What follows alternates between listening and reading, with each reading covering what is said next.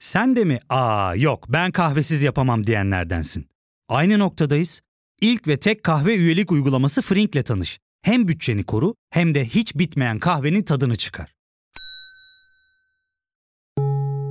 Yakınlarından terapinin onlara ne kadar iyi geldiğini dinlesen de kendin için bir şeylere başlamak zor geliyor olabilir. Ya da sevdiklerine yardım etmeye istekliyken kendi ihtiyaçlarını görebilmek. Hayvel, uzman psikologlarıyla kendi ihtiyaçlarını bulmanda sana destek olacak. Terapi yolculuğuna başlamak için detaylı bilgi bölümün açıklamalarında. Trendspor'dan herkese merhabalar. Bu hafta Süper Lig'de önemli bir haftaydı. Derbi haftasıydı ve Galatasaray Beşiktaş deplasmanında kaybetti. Fenerbahçe'de Sivas deplasmanında kazanınca yarış oldukça kızıştı Süper Lig'de. Bunun dışında basketbolda hem Euroleague'de hem NBA'de artık son düzlüğe gelindi ve heyecan dolu maçlar oynanıyor. Formula 1'de de Azerbaycan Grand Prix'si vardı. Tüm bunları Ant'la birlikte konuşacağız. Oğulcan yurt dışında bu haftalık bizimle olamayacak. Gelecek haftadan itibaren onunla devam edeceğiz. O olmadığında da programımızın editörü Ant bize destek veriyor. Teşekkür ederiz Ant'a. Ant hoş geldin. Hoş buldum abi. Ben öncelikle şunu söylemek istiyorum. Tam Oğulcan'ın kalemi bir haftaydı bu hafta. Fenerbahçe Sivas deplasmanında 10 kişi kazandı. Beşiktaş Galatasaray'ı yendi ve Fenerbahçe Olympiakos deplasmanından maç çalarak geldi. Ciddi bir Final Four şansı bile doğurabilir bu. Hani tam Oğulcan'dan konuşulsa dinlemek isteyeceğim şeye ben bakalım. Umarım boşluğunu ufacık da olsa doldurmaya çalışırım diyerek teşekkür ediyorum ağırladığın için beni. Ne demek. Derbiyle başlayalım istersen. Bence de ben de şunu soracağım. Yani Beşiktaş maçın ilk kısmı haricinde çok net bir şekilde Galatasaray'a karşı bir üstünlük kurdu. Ancak hani bunu böyle spesifik noktalardan tek tek anlatmaktansa ben sana genel bir derbi yorumunu sormak istiyorum. Beşiktaş neleri doğru yaptı da Galatasaray'a karşı bu üstünlüğü sağladı? Biz nasıl bir derbi izledik? Evet. İlk 30 dakika aslında Galatasaray'ın istediği gibi giden, istediği gibi başlayan bir derbiydi. İlk 30 dakika maç ortadaydı. Ortada olduğu zaman da oyuncu kalitesi farkı olan takım Galatasaray ve sadece 3 tane pasla öne geçti. Sergio Oliveira merkezde kendisini çok iyi topla boş buluşturdu. Oradan tek topla Rashica'yı çok iyi kaçırdı. Rashica da çok iyi bir ön direk pası çıkardı. Icardi de çok iyi bir ön direk koşusu artı vuruşuyla 3 oyuncunun toplam kalitesinden çıkan 3 pastan bir gol buldular ve 1-0 öne geçtiler ilk yarım saatte. Galatasaray'ın lehineydi her şey.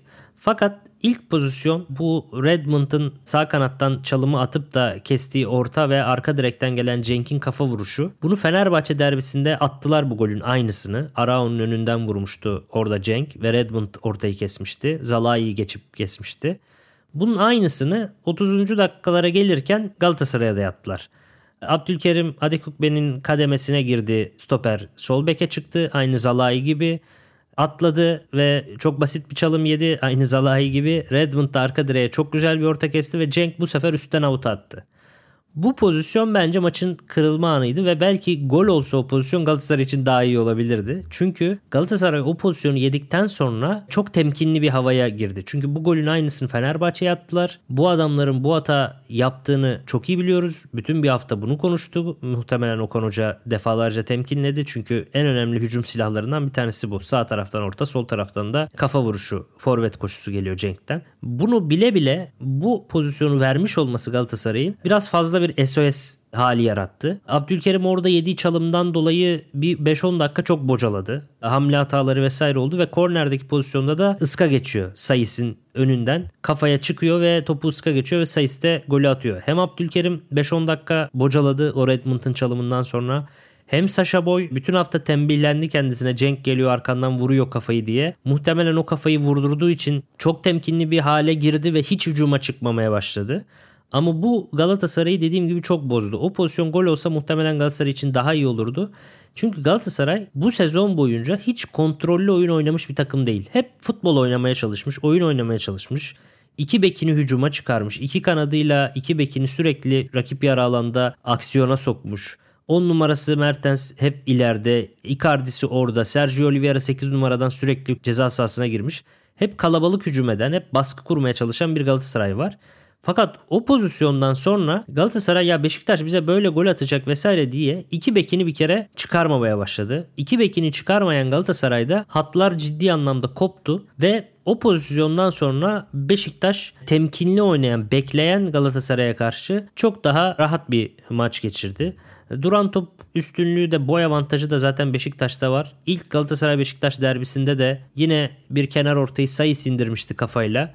Cenk tamamlamıştı. Bir duran top daha golü yemiş oldular. İki derbide iki duran top golü attı Beşiktaş Galatasaray'a. Böyle bir zaten size avantajı da var duran toplarda. Onu kullanıp maçın ilk yarısı 1-1 bitti ve ikinci 45 dakika öncesinde de Okan Hoca bir şeyler değiştirmesi gereken teknik adamdı. Çünkü ilk yarı senin istediğin gibi başlamış. İlk 25 dakikayı senin istediğin gibi oynanmış. Fakat sonraki 20 dakika o pozisyondan sonra senin ayarların bozulmuş. Çok daha tedbirli ve ürkek oynayan bir takımın var. Ve senin sağ içinde bir şeyleri değiştirmen lazım. Bir de Galatasaray'da ürkek oyun, kendi yarı alanında bekleyerek oyun en çok Oliveira ve Mertens gibi topu oynatan oyunculara zarar veriyor. Çünkü Mertens'e sen uzun top atamazsın, hava topunu indirmesini falan isteyemezsin. 30-40 metrelik paslar atılmaz Mertens'e. Rakip yarı alana geçersin iki kanadın, iki bekinle, dört tane kanat oyuncun oradan. Arkadan Sergio Oliveira, arkadan önden Santrfor falan. Mertens orada Kukla'yı oynatan el gibi hepsini oynatır 6-7 oyuncuyu tek paslarla, hızlı düşünmeyle yani zekasını kullanır ve dar alanda o kısa ince işleri falan çok güzel yapar. Ama sen sahayı genişletirsen, 70-80 metrelere çıkarırsan, uzun uzun toplar atarsan, Mertens'i bir sağa koş, bir sola koş yaparsan o zaman Mertens tabii ki çok kötü gözükür. 35 yaşında adam. Eğer öyle bir oyun oynayacaksan o zaman Zaniolo'larla Berkanlarla oynaman gerekiyor. O bu oyunun yani tedbirli oyun iki bekin çıkmaması geride beklemeye düşünen biraz ürken Galatasaray en çok Oliveira ve Mertens'i bozdu ve bence 45'te de bu oyuna göre bir değişiklik yapmak Okan Hoca'nın gereksinimiydi. Ya bu oyunu oynayacaksan temkinli oyun beraberliğe yatacaksan orada Mertens yerine Zaniolo'yu Oliveira yerine Berkan'ı alacaksın atıyorum ve Adekukbe yerine de Dubois'ı yapabilirdin bu durumda. Mesela ben ikinci yarıya iki değişiklikle başlardım ben olsam. Oliveira veya Mertens'ten bir tanesi yerine Berkan'ı atardım. Sol taraf çünkü çok aksıyordu ve sol tarafa Berkan orta saha sol iç pozisyonundan destek verebilirdi. Ve sol bek pozisyonuna da Adekukbe yerine Dubois'ı koyardım. Çünkü Adekukbe de çok bocalıyordu. Dubois sonuçta çok tecrübeli ve kariyerli bir oyuncu olduğu için bu tip derbileri daha sakin kafayla oynayabiliyor. Bu değişiklikler belki Galatasaray'ı oyunda tutabilirdi. Ama Okan Hoca bunları yapmadı ve yapmadıktan sonra işte biraz soyunma odasında söylediklerimizi yapmalarını bekledim, düzelmelerini bekledim dedi. 45-50 arası bir 5 dakika, ikinci yarının 5 dakikası maç yine ortada başlıyor. İlk yarının ilk 20 dakikası gibi. Ama 50'den sonra çok hızlı bir şekilde çöküş var Galatasaray'da. Ve bu şutlara da yansımış. Beşiktaş'ın 51. dakikada tehlikeli bir şutu var. 53. dakikada tehlikeli bir şutu var. 55. dakikada iki tane tehlikeli şutu var ard arda. Ve 58. dakikada 57. ya da 58'de bir tane daha net bir pozisyonu var. Üst üste 4-5 tane net pozisyon veriliyor 7-8 dakika içerisinde. Gol yenene kadar o 7-8 dakika içerisinde Okan Hoca hamle yapamıyor oyuncu değişikliği hamlesi bir şey yapsa orada maç kırılabilir. Ve orada ortalık böyle tam yangın yeriyken Galatasaray için Muslera ile Oliveira'nın arasındaki paslaşmada bir top kaybı ve gol. Burada Muslera'nın attığı yer bu golü Galatasaray 2 senedir 3 senedir çok yediği için. Mesela bir önceki hafta da yedi ya. Yanlış mı hatırlıyorum? Karagümrük maçında Borini'nin golüydü galiba. Hani aynı hataları yapıyorlar. Aynen öyle. Geçen seneki Trabzonspor maçı var. Bu sene deprem öncesindeki Trabzonspor maçı var. Geçen seneki Kasımpaşa maçı var. Bir çırpıda aklıma 5 tane geliyor. Benim çok eskiden şeyi hatırlıyorum. Galatasaray Mersin İdman Yurdu mu? Ordu maçı mı ne vardı? Topu dikeyim diye Selçuk'un sırtından sekiyor. Daha 2013-14'lerde. Yine Muslera kaleci de yani o... Ay Muslera'ydı kaleci. Hani o şeyleri var kadro değişse de. Evet ama son 2-3 yılda inanılmaz sayıda arttı bu gol çeşidi. Sürekli aynı şey yaşanıyor. Ve şuradan eleştiri Muslera'ya eleştiri biraz haksız olabilir. Oliveira'nın etrafında yakınında oyuncu yok. Yani etrafı dolu, sağa solu dolu. Ama topu kaptıracak kadar baskı yok. Yani boş Sergio Oliveira. En yakın oyuncu ona 10 metre falan. Orada Oliveira alıp topu tekrar Muslera'ya verebilir. Yani şey eleştirisi yapılabilir ama Oliveira topu döndüğü zaman da pas atabileceği kimse yok. Herkes dolu. Hiç kimse boşta değil. O yüzden Oliveira'ya pas atmanın bir anlamı yok. Kimse boşa çıkmamış çünkü. Ama Oliveira da bunu görüp hızlı bir şekilde yüzünü dönüp çevre kontrolü yapıp kimsenin boş olmadığını görüp tekrar Muslera'ya dönmesi lazım mantıken. Ve ben şuradan eleştiriyorum. O pasın top kaybedilmesinin birinci kusurlusu Muslera değil kabul ama ondan önceki 5 dakikada Beşiktaş 5 tane pozisyon bulmuş. Sana müthiş bir şekilde hücum ediyor. Dalga dalga hücum ediyor. Daha orada artık ince pas işlerine girme. Yani çok gergin ve çok hızlı gelen, dalga dalga gelen, inanılmaz motive gelen bir Beşiktaş'a karşı böyle hataya imkan doğuracak ince ve sakin işlere girme. Artık orada mesela taça vursan oyuncu değişikliği yapılıyor. Mitsio ve Berkan kenarda bekliyorlar o dakikalarda. Büyük baskı yemişsin. Sürekli pozisyon geliyor. Vur taça. iki oyuncusu girsin Galatasaray'ın. 1-2 dakika oyun dursun. Sakinleşsin. Devam et. Galatasaray'ın oyuncu tecrübesi çok yüksek. O yüzden bu derbileri daha iyi oynayabilir diyorduk. Ama hem Karagümrük maçındaki hatalar ve en tecrübeli en yaşlı oyuncusu yaptı bunları.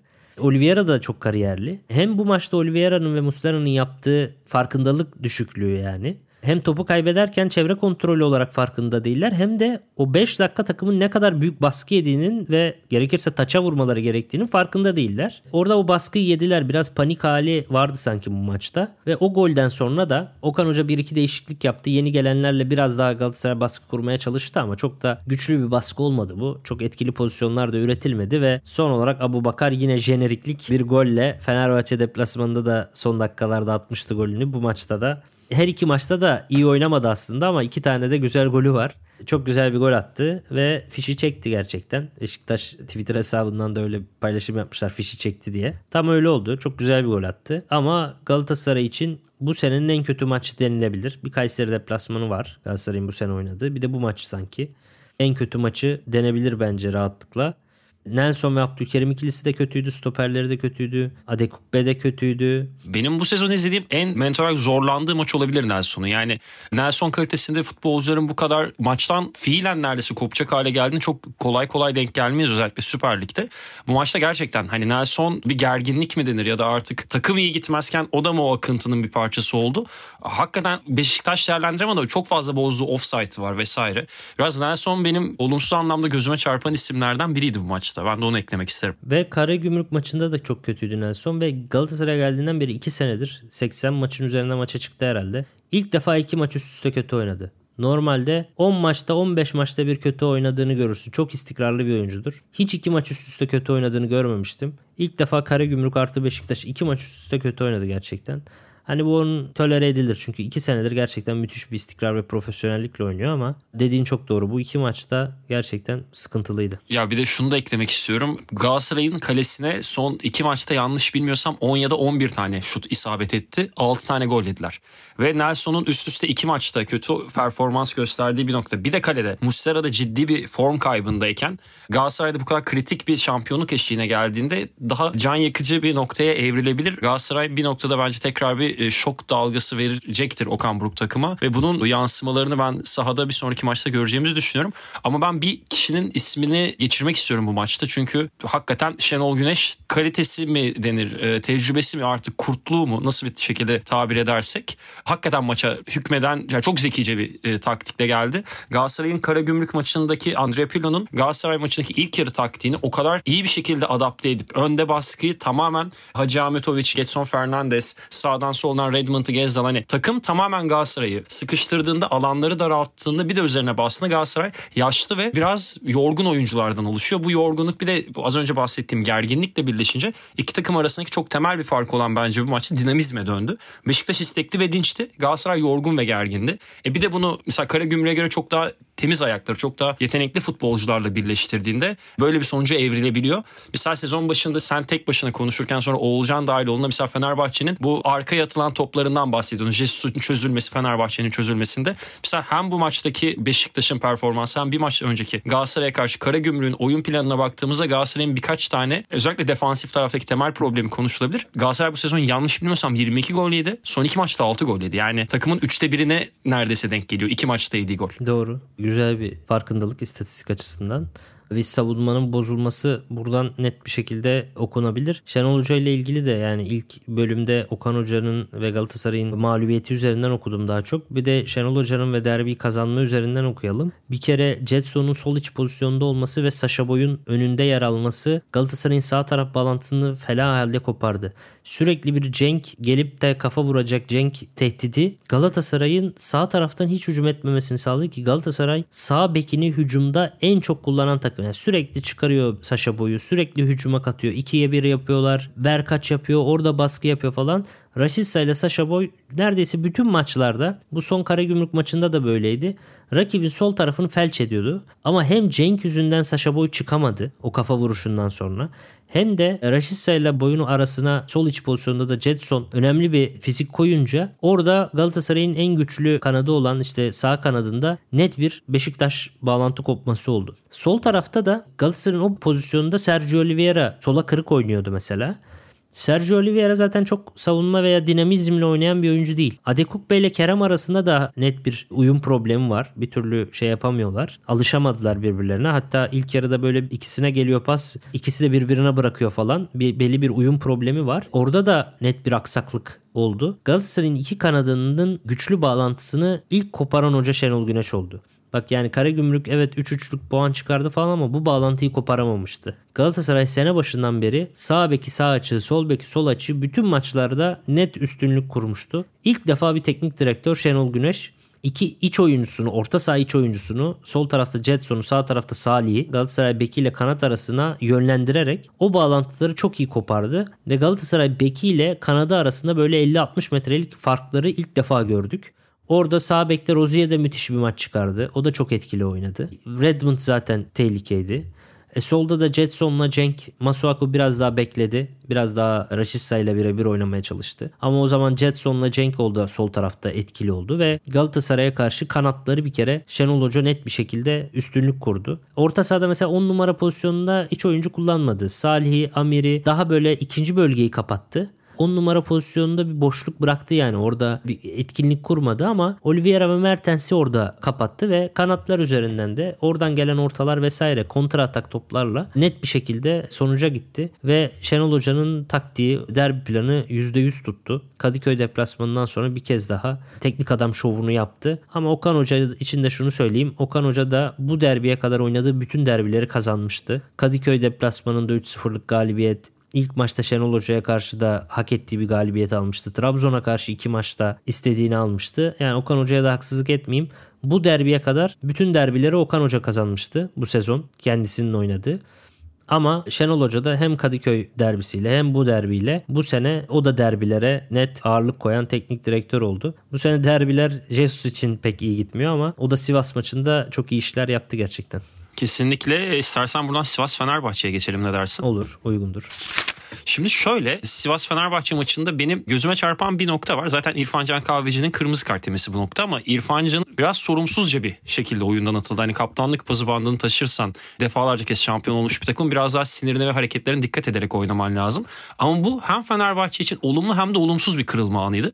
Olumsuzdan başlayacağım takımı eksik bırakıyorsun Sivas deplasmanında. E, olumlu taraf Fenerbahçe bu atılmadan yaklaşık 1-1,5 dakika sonra maçın fişini çekebilecek, maçı koparabilecek golü attı ve belki de şunu dedi mental olarak. Biz eksik kalsak bile artık şu noktadan sonra kiminle oynadığımız fark etmeksin. Biz maçları biz bu kupayı istiyoruz. Mesajını belki de bu sene verdiği en temel maçı olabilir. Her ne kadar Ali Şaşal Vural'ın gerçekten Eskişehir dönemini çok izlediğim için biliyorum. Eskişehir spor günlerini aratmayacak kadar kötü bir performans ortaya koymuş olsa da hakikaten bu maçtaki Fenerbahçe Fenerbahçe taraftarının bir tık umutlanmasına bile neden olabilecek bir noktadaydı. Hani ben biraz yorumlayarak girdim. Senden rol çaldıysam affola ama İrfan Can'ın atılması ya da bu kırılma noktalarından biri olabilir mi sence maçın? Ve Fenerbahçe'nin bu mental dayanıklılığı, bu mental bariyeri geçebilmesini sen nasıl bir yerden okursun? Fenerbahçe Sivas maçını nasıl bir yerden okursun? Yorumlarını dinlemek istiyorum. Bence İrfan'ın atılması maçı çok etkilemedi. Yani İrfan hemen atılmadan 2-3 dakika önce mükemmel bir asist yapmıştı. Ben İrfan'ı pek beğenmem ve çok ağırlıklı olarak eleştiririm. Çünkü yapabileceklerinin çok altında bir kariyeri devam ediyor. Burada da bu maçta bence İrfan'ın en iyi özetlerinden bir tanesi oldu. Güvenemiyorsun İrfan'a olağanüstü bir asist yaptı. Harika bir asist. Öncesinde attığı çalım fake'i, Ferdi'nin ceza sahasında koşusunu bekliyor. Ondan sonra da tam ölü noktaya stoperle kaleci arasına topu çıkarıyor ve Ferdi de golü atıyor. İkinci golü oluyor Fenerbahçe'nin. Bu mükemmel asist direkt İrfan'ın özel yeteneğiyle oldu. Ama 5 dakika sonra da taban çıkardı ve kırmızı kart gördü. İrfan'ın bence kariyer özeti gibiydi. Güvenemiyorsun yani hem maç içinde güvenemiyorsun hem maçtan maça güvenemiyorsun. Bir maç olağanüstü oynuyor bir maç sahada göremiyorsun falan. Bence o yüzden de İrfan Şampiyonlar Ligi gibi bir arenada bir maç içerisinde 3 tane ceza sahası dışından jeneriklik gol atmış olmasına rağmen hiçbir yerden doğru düzgün teklif alamamış ve sadece yurt içinde çok pahalı veya değerli bir oyuncu olabilmiş bir futbolcu. Bu kadar göz önünde olan Şampiyonlar Ligi vitrininde 3 tane ceza sahası dışından yani hat ceza sahası dışından yapan bir oyuncu mutlaka 150 tane kulübün scoutları tarafından izlenip raporlanır. Çünkü göz önünün önü artık yani vitrinin vitrininde ve yine de hiç dişe dokunur bir bonservis gelmiyorsa ve sadece sen 11 milyon euro para verip alıyorsan o zaman Fenerbahçe kulübünün de bir sorgulaması lazım. Hiç Fenerbahçe adı geçmiyorken Galatasaray istiyorken biliyorsun Fatih Terim istemişti çok istediğini söylemişti. Aynı eleştiri yapıyordum Fatih Hoca'ya. Ya hoca bu adam Şampiyonlar Ligi'nde hat-trick yaptı ceza sahası dışından. Bir kişi bile bonservis vermiyor. Sen bu kadar istiyorsan yüzü astarını geçebilir diye diyordum. Daha sonra Fenerbahçe aldı. Her iki kulüp içinde bu eleştiri yapıyordum yani. Fener Galatasaray diye demiyorum. İrfan'la ilgili benim düşüncem öyle. Ama bence bu maçı Rıza Hoca'ya karşı Jorge Jesus'un çok net bir galibiyetiydi. Yani İstanbul Spor maçını nasıl alamadıysa bu maçı da öyle aldı ve burada da şansı çok yaver gitti. İstanbul Spor maçını hatırlarsan 2-0 öne geçti 2-2 oldu. 3-2 öne geçti 3-3 oldu ya. O sıralarda hala iki tane orta sahasını değiştiriyordu. Bir tane stoperini değiştiriyordu ve iki santrfordan bir tanesini çıkarıp da orta sahayı güçlendirmeyi düşünmüyordu bir türlü. Ve bu maçın 13. dakikasında Valencia geçmiş olsun çok kötü bir sakatlık yaşadı. Ve Valencia çıktığı zaman bu sefer forvet almadı oyuna. Bir kanat oyuncusu alıp sistemi değiştirdi ve 4-4-1-1'e döndü. Üçlü savunmayla başlamıştı. 3-5-2 ile başlamıştı. Onun sık sık denediği bir diziliş. Sevilla'da da denedi. Derbilerde de çok deniyor. Zorlu maçlarda genelde denediği diziliş üçlü. Sivas'ta zorlu bir deplasman ve böyle çıktı ama ilk 13 dakika çok kötü gidiyordu Fenerbahçe. Yani hiç istediğini yapamıyordu. Rakip yer alana geçemiyordu. İlk 20 dakika böyleydi aslında. İlk gole kadar Fenerbahçe ilk golü bulana kadar Rossi'nin güzel golüne kadar böyleydi. İstedikleri olmuyordu. Baktı kötü bir başlangıç var. 13. dakikada da Valencia sakatlandı. İlk defa hoca bu sene tek santrfora düşürdü takımı. İlk defa bambaşka kendi dizilişinden bambaşka bir B planına döndü ve orada Rossi girdi oyuna.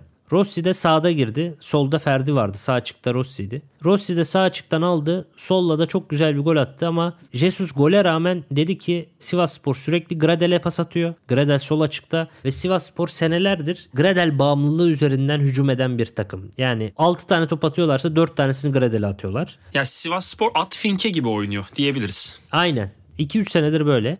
Ve Rossi sağ taraftan getirip solla gol atmış olmasına rağmen dedi ki ben Osay Samuel'in önüne Ferdi'yi koyayım. Madem buraya bu kadar top atıyorlar ben burayı tamamen kapatayım, kümeleneyim. Rossi'yi de sola atayım dedi ve sistemi de zaten 4-4-1-1'e değiştirmişti. Bu sefer Ferdi sağda, Rossi solda, Arda 10 numarada, Pedro Santrfor'da ve Arao'yla da İrfan orta ikili de şeklinde. Bazen tabi Arao merkeze giriyor. Arda ile İrfan 2-8 gibi de oluyorlar. Bazen Arda'yı sağ kanada atıyor. Ferdi'yi iç 8 numaraya çekiyor. Oralar değişti sık sık. Ama ağırlıklı olarak böyle bir 4-4-1-1 tarzı bir düzen vardı.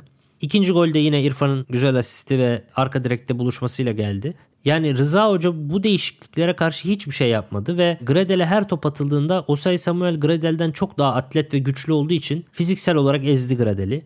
Ferdi de ona sürekli yardım ettiği için Ferdi çok dayanıklı bir oyuncu. Devamlı git gel yaptığı için o da sürekli yardımlı oynadı. Ve Sivasspor sol kanadında bir sürü top kaybetti. Hepsi Fenerbahçe için kontrata şey oldu.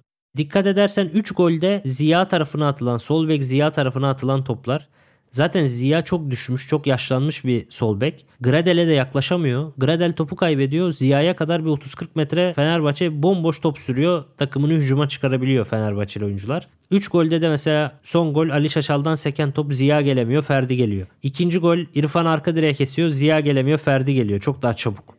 İlk golde zaten Rossi Ziya'ların, Gutas'ların önünden çok kolay dribbling yapıp geçiyor. Sol ayağıyla vuruyor. Yani 3 golde o Ziya tarafından geldi ve 45'te de Rıza Hoca zaten Ziya'yı çıkarmak zorunda kaldı. Oraya hatta kanat oyuncusu Erdoğan'ı çekti. Açıkçası Jesus'un her hamlesi, üçlüyü dörtlüye çevirisi vesairesi Fenerbahçe'nin ekmeğine yağ sürdü. İrfan atıldıktan sonra da yani 1-2 dakika sonra da 3-0 oldu zaten. E devrede de İsmail Arda değişikliği de bence doğru oldu. Merkez orta saha 4-4-1'e döndü Arda'yı çıkarınca. Arao İsmail ikilisi sağlam. Sağda Ferdi, solda Rossi. Onlar da çalışkan oyuncular, git gel yapan oyuncular. Luan Perez sol bek stoperleşiyor da yeri geliyor. Net bir oyun oldu. Bir kez Osay Samuel'in offside bozmasını kullandılar. O da dörtlü savunmada oynarken hep yapıyor zaten bunu sorunları ama o, bu pozisyon dışında o gol dışında da olabildiğince Fenerbahçe maçı bitirmeyi bildi. İki tane şut var. Onları da İrfancan Eribayat çok iyi çıkardı. Bir tanesi Gradel'in arka direk vuruşu. Bir iki pozisyon tabii ki oldu 10 kişiyken Sivas deplasmanında oynarken tabii ki bir iki pozisyon vereceksiniz bir de artık çekiliyorsunuz yani geriye. İyi bir galibiyet aldı Fenerbahçe. Rıza Hoca'nın bu şeye karşı, Jesus'un hamlelerine karşı hiçbir şey yapmaması, takımının sürekli Gredel'e oynamasını engellememesi, sağ tarafta Erdoğan çok daha boş kalıyordu mesela. O tarafı kullanmaması da Rıza Hoca için negatif bir akşamdı. Ya bir de Erdoğan hani hatırladığım kadarıyla maçın 70 ile 80. dakika arası hatta Sivas'ta galiba orada ilk golü de bulmuştu. Hani kendi kanından sağdan sağdan bayağı da gelmeye çalıştı. Hani bir yere kadar gelebildi ama hani o senin de dediğin gibi çok kullanmadılar. Kullansalar Fenerbahçe'nin biraz daha başı ağrıyabilirdi. Ama yani senin de dediğin gibi Jesus İstanbul Spor maçında ne kadar etkili olamadıysa, ne kadar hata yaptıysa Sivas maçında aslında bir o kadar da siyah ve beyaz gibi diğer tarafını gösterdi. Ya yani iyi bir galibiyet ama şöyle de bir durum var. Olumlu bir anlamda söyleyeceğim.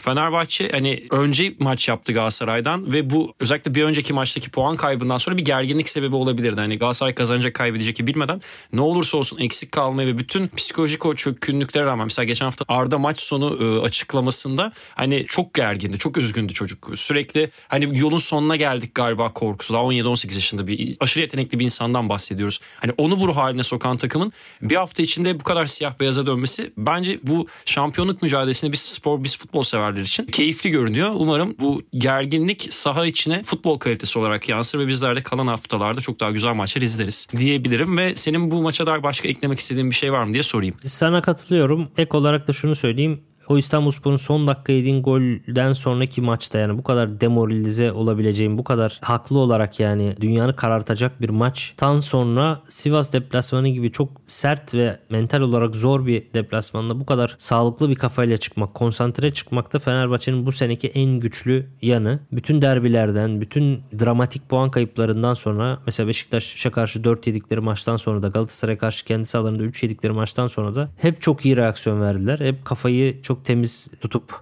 tekrar motive bir şekilde bir sonraki maça çıktılar. O açıdan Jesus'u tebrik ediyorum gerçekten. O konuda oldukça iyi ve o sayede de hala sonuçta rekor kırmış bir rakibi var. 60 yıllık bir rekoru kırmış bir rakibi var ya ve hala onu takip edebiliyor 3 puan arkasından ve bence ona göre de oldukça da düşük kadro kalitesine sahip ve Türkiye Kupası'nda da devam ediyor. Avrupa'da da devam etti uzun süre handikapları daha fazlaydı Jesus'un. Ona rağmen iyi kovalıyor. O konuda Jesus'un hakkını vermek lazım bence. Tabii oyuncu grubunun da. Kesinlikle aynı fikirdeyim seninle. İstersen şimdi ufak bir ara verelim ardından sohbetimize devam edelim.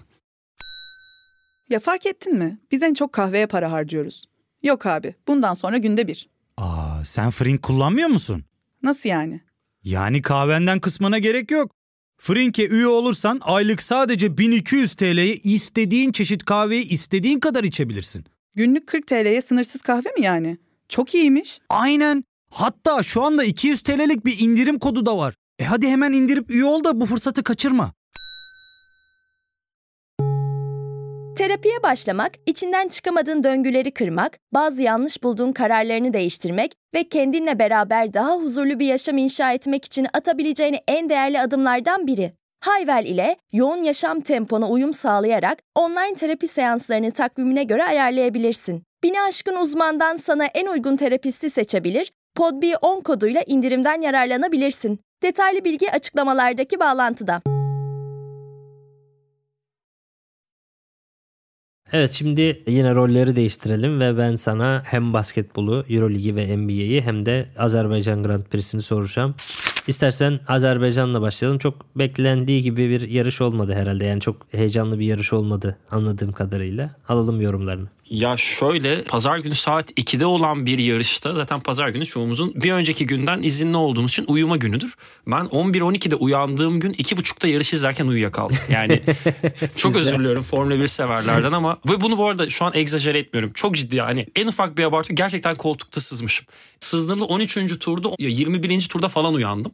İşin şakası vesairesi bir yana Red Bull zaten bu sene çok net bir dominasyon. Yani bu sene 4 yarışta toplam ilk 1-2'yi alabilmede 3 yarışta 1-2 oldular. Diğer kalan yarış Avustralya orada yarışı kazandı Max Verstappen. Sergio Perez de işte sıralama turlarında problem yaşadığı için 5. olabildi. Yani ne kadar büyük bir dominasyonla geldiklerini tahayyül etmek sana ve dinleyicilerimize kalsın. Azerbaycan'a geldiğimizde Formula 1 yönetimi işi biraz heyecanlı hale getirmek için bir sprint yarışını kattı ve bunu katmakla kalmayıp bir de formatı değiştirdi. Normalde geçen seneye kadar 2021-2022'de cuma günleri sıralama turu yapılıyordu. Sprint yarışının sıralama turu yapılıyordu. Sprint yarışının sıralama turunun üzerinden cumartesi günü yarış koşuluyordu. Normal yarışın üçte biri uzunlukta. O sprint yarışta oluşan sıralamada asıl pazar günkü yarışın sıralama turunu yani atıyorum sprint yarışı kazananın aslında hanesine galibiyet yazılmıyor pol pozisyonu yazılıyor öyle düşünebilirsin. Ama burada yine çok izleyicilerin ilgisini çekmediği için şuna geçtiler. Cuma günü biz asıl pazar günkü yarışın sıralama turunu yaptıralım. Cumartesi günü de sabahtan sprint sıralaması. Cumartesi akşam üzeri sprint yarışını yapalım dediler ama yani kulağa gelişte hani sürekli insanları televizyon başında tutarız, izletiriz, heyecan olur. Ama gerçek o kadar sıkıcı bir yarıştı ki. Ya bir de Azerbaycan bir cadde pisti. Zaten cadde pistlerinde genellikle pilotlar daha dikkatli olur. Azerbaycan, Suudi Arabistan gibi pistler bir de hızlı caddeler oldukları için daha da dikkat edebiliyor pilotlar ve çok bir aksiyon olmuyor. Nitekim burada da olmadı. Ve bu da bir hayal kırıklığına dönüştü. Yani Sergio Perez çok güzel bir şekilde yarışı kazandı. Hatta orada şöyle bir durum var. Normalde Max Verstappen yarışın liderliğini almıştı. Ancak ilk güvenlik aracı çıkmadan yaklaşık 35-40 saniye önce pite girdiği için o 35-40 saniyeyle yarışı kaybetti ve sonrasında üçüncülüğe düşmüştü. Güvenlik aracından sonra Lökler'i geçti vesaire ama takım arkadaşı Perez'i arkasına almayı başaramadı. Bu arada Sergio Perez'ler de çok garip gelen bir istatistiği paylaşmak istiyorum. Kariyeri boyunca 6 yarış kazandı. Bunların 5 tanesi cadde pistte. Yani adam gerçekten caddede evinde gibi sürüyor. İki kere Bakü'yü kazanan tek pilot Formula 1 tarihinde vesaire. Bu açıdan hani istatistiksel yerlerden okey kurtarır ama izlence bakımından geçen beni ilk davet ettiğinde kullandığım bir şey vardı. Benim için bir, bir şeyin sıkıcılığının tanımı odur. 90 dakikalık Lecce Cagliari maçının tekrarını izlemek gibi bir şeydi bu yarışta ve Lecce Cagliari maçı bazen daha keyifli olabilir hissi de gelmedi değil. Güzel. O zaman daha heyecanlı geçen maçlara gidelim. Euro Lig'de bir kavga gördüm sosyal medyada. Real Madrid Partizan maçında ortalık karıştı ve bunun bir de deplasman tarafı var yani bir de Partizan kısmı var yani olacak. Ne tip cezalar olduğu, neler olduğu Euro Lig'le devam edelim istersen. Şöyle abi Partizan Real Madrid maçında Partizan bu arada ben hatırlarsan tahminimde ilk plase tahminim diye Partizan'ın Real Madrid'i eleyeceğini tahmin etmiştim.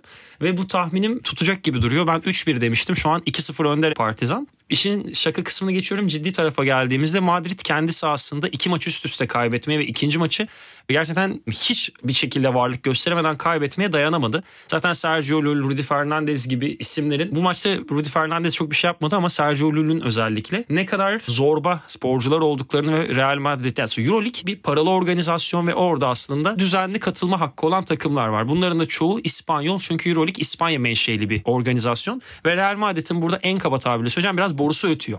Ancak unuttukları bir şey var. Partizan, Partizan'a geçip Sırbistan bu tür davranışları sinesine çeken bir ülke değildir.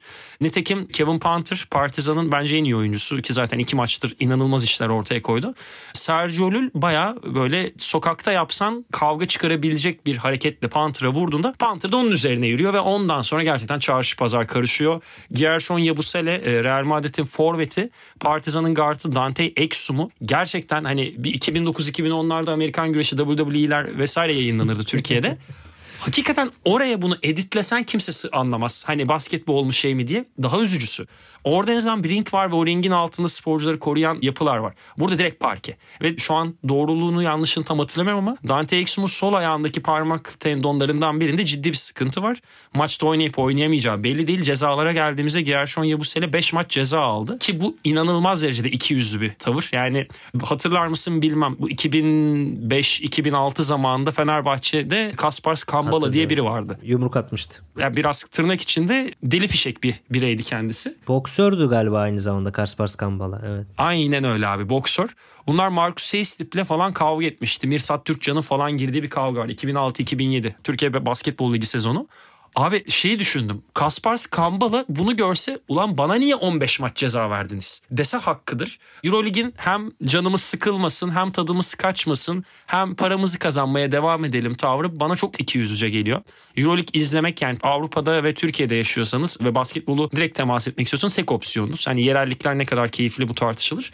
Ama bu durum özellikle yani Yabusele'nin bu yaptıkları sonra sadece 5 maç verilmesi ki ben bir sezon bile kapatılsa ona az olabileceğini düşünen bir noktadaydım. Ya 2004'te Malice Palace oldu bir sezonunu kapattılar Ron Artest'in. Yani böyle şeyleri dünyada farklı yerlerde görüp benzer kalibrede bir kavgada bu kadar ama bu kadar ufak cezalarla geçilmesi hiç kabul edilebilir bir şey değil. Partizan'dan Kevin Panther'da kavgayı o başlattı resmi olarak. O da bir kişiye Canan Musa'ya yanlış hatırlamıyorsam. Yumruk attığı için o iki maç ceza aldı. Gabriel Dek'in bir maç cezası var. Ama en komiğini söyleyeceğim. Bu kavgayı başlatan asıl o ilk faul yapan Sergio Llull hiçbir şey olmadı.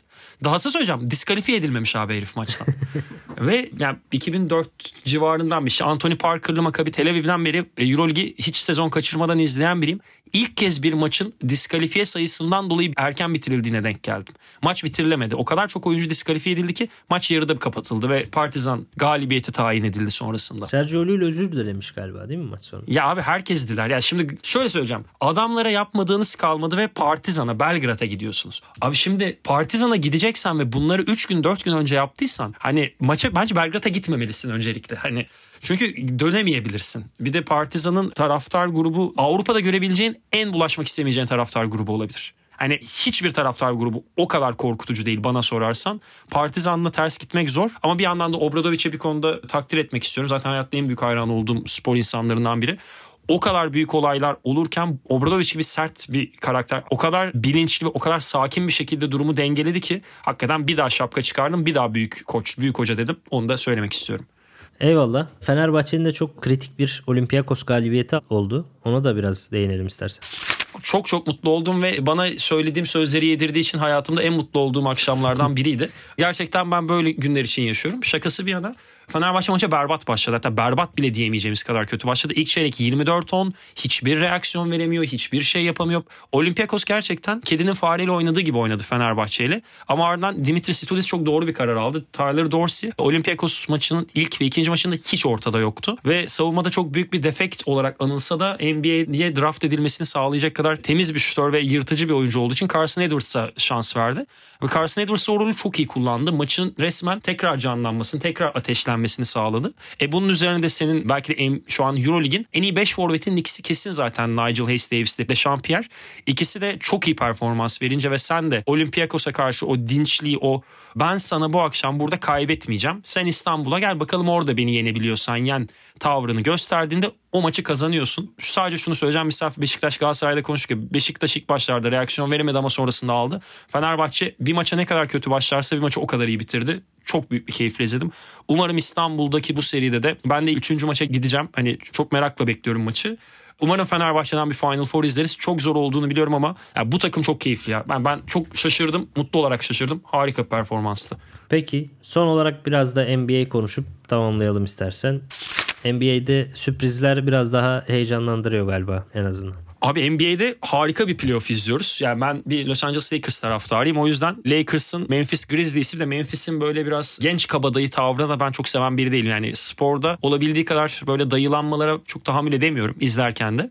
Lakers'ın gerçekten Memphis'e siz dünkü çocuksunuz bunu hatırlarsanız sevinirim. Tadındaki tavrıyla çok vura vura hakikaten yani 35-9 başladığı bir maç var öyle düşün. Vura vura kazanıp o seriyi alması beni bir basketbol sever olarak çok tatmin etti. Bunun çok daha keyiflisi pazar akşamı oynanan Golden State Sacramento maçındaydı. Golden State'de Sacramento'yu eledi. Bu şu demek oluyor şu an Stephen Curry ve LeBron James tekrar karşı karşıya bir seride. Golden State Los Angeles Lakers bu inanılmaz keyifli bir durum. Yani hafta içlerine denk geliyor. Çoğunlukla maçı oturup gece izleme şansımız yok ama sabahları gerçekten kahvemi açıp NBA Lig besten o maçları tam halini izlemek için şimdiden sabırsızlanıyorum. O taraf çok keyifli. Diğer eşleşme zaten tahmin edildiği gibi Denver Phoenix'ti. Ben Denver Phoenix'in çok denk bir eşleşme olduğunu tahmin ediyordum. Ama ilk maçtaki Denver özellikle Nikola Jokic için ne kadar yani boşuna MVP ödüllerini almadı bu adam şeyini gördük ve net bir galibiyeti oldu. Boston Philadelphia yıllara dayanan bir rekabet. Yani NBA dediğimiz şeyde genelde böyle iki takım arasında bizim Avrupa'daki gibi bir rekabet olmaz. Boston Philadelphia bunun tek örneği. Zaten Boston biliyorsun Amerika'ya göçen İrlandalıların çoğunlukta olduğu bir şehir. Philadelphia'da Amerika Amerikalıların Pennsylvania bölgesi asıl Amerikalı Amerikalıların olduğu bir bölge. Şu anda garip bir dinamik var. Bunun basketbol yansımasına Joel Embiid kariyer sezonu geçirdi ama Boston bence bu senin en büyük şampiyonluk adayı. Orada çok zor bir seri olacak ve ben yine de Boston'ın alacağını düşünüyorum. Çünkü Philadelphia ne kadar dişli bir takım olsa da Philadelphia'nın iyi olduğu özellikler Boston'ı zorlayamıyor. Boston'ın iyi olduğu özellikleri de Philadelphia engelleyemiyor. O yüzden şanssız bir eşleşme Philadelphia için. Ancak Boston bence oradan çıkar. Bir en sonda şunu söyleyeyim. Miami New York hiç beklemiyordum bu ikisinin eşleşmesini. Ama Jim Butler gerçekten tarihe geçen bir ilk tur oynadı. Zaten bunu herkes söylüyor. New York'a karşı da ilk maçta Madison Square Garden'a yine iyi oynadı. Yani şu an sadece şunu diyorum Jimmy Butler bunları yapabildiği sürece gerçekten NBA'in en izlenesi oyuncularından biri. Hiçbir zaman tarihte böyle en büyük oyunculardan biri olarak anılmayacak ama şunu söyleyebilirim ben gönül rahatlığıyla NBA tarihinin en pes etmeyen ve en canını dişine tak yani o maçı kazanmak istiyorsa o maçı kazanabilecek oyuncularından biri. Yani NBA'de bu sene playoff'tan bir şey izleyeyim diyen olursa biraz plase bir eşleşme ama Miami New York'tan izlemelerini öneririm. Gerçekten çok keyifli iki takım. Ağzına sağlık Ant. Senin ağzına sağlık çok teşekkür ederim. Gelecek hafta Oğulcan'la birlikte olacağız bir aksilik çıkmazsa ve hem Süper Lig'de ligin ömrü daha da kısalacak. Daha da heyecanlı maçlar oynamak mümkün. Hem de basketbolda da aynı şekilde. Aynı zamanda şunu da söyleyeyim çok özür Türk Telekom'un da çarşamba akşamı Avrupa Kupası final maçı var. E, Erdem Can da Euro Cup'ta yılın koçu seçildi. Onları da ayrıca tebrik etmek lazım ve çarşamba günü güç onlarla olsun kalbimiz onlarla. Ben de onu eklemek isterim arada. Eyvallah. Onu da bir sonraki bölümde konuşuruz tekrar. Görüşmek üzere diyoruz. Dinlediğiniz için teşekkürler. Haftaya görüşürüz. Hoşçakalın.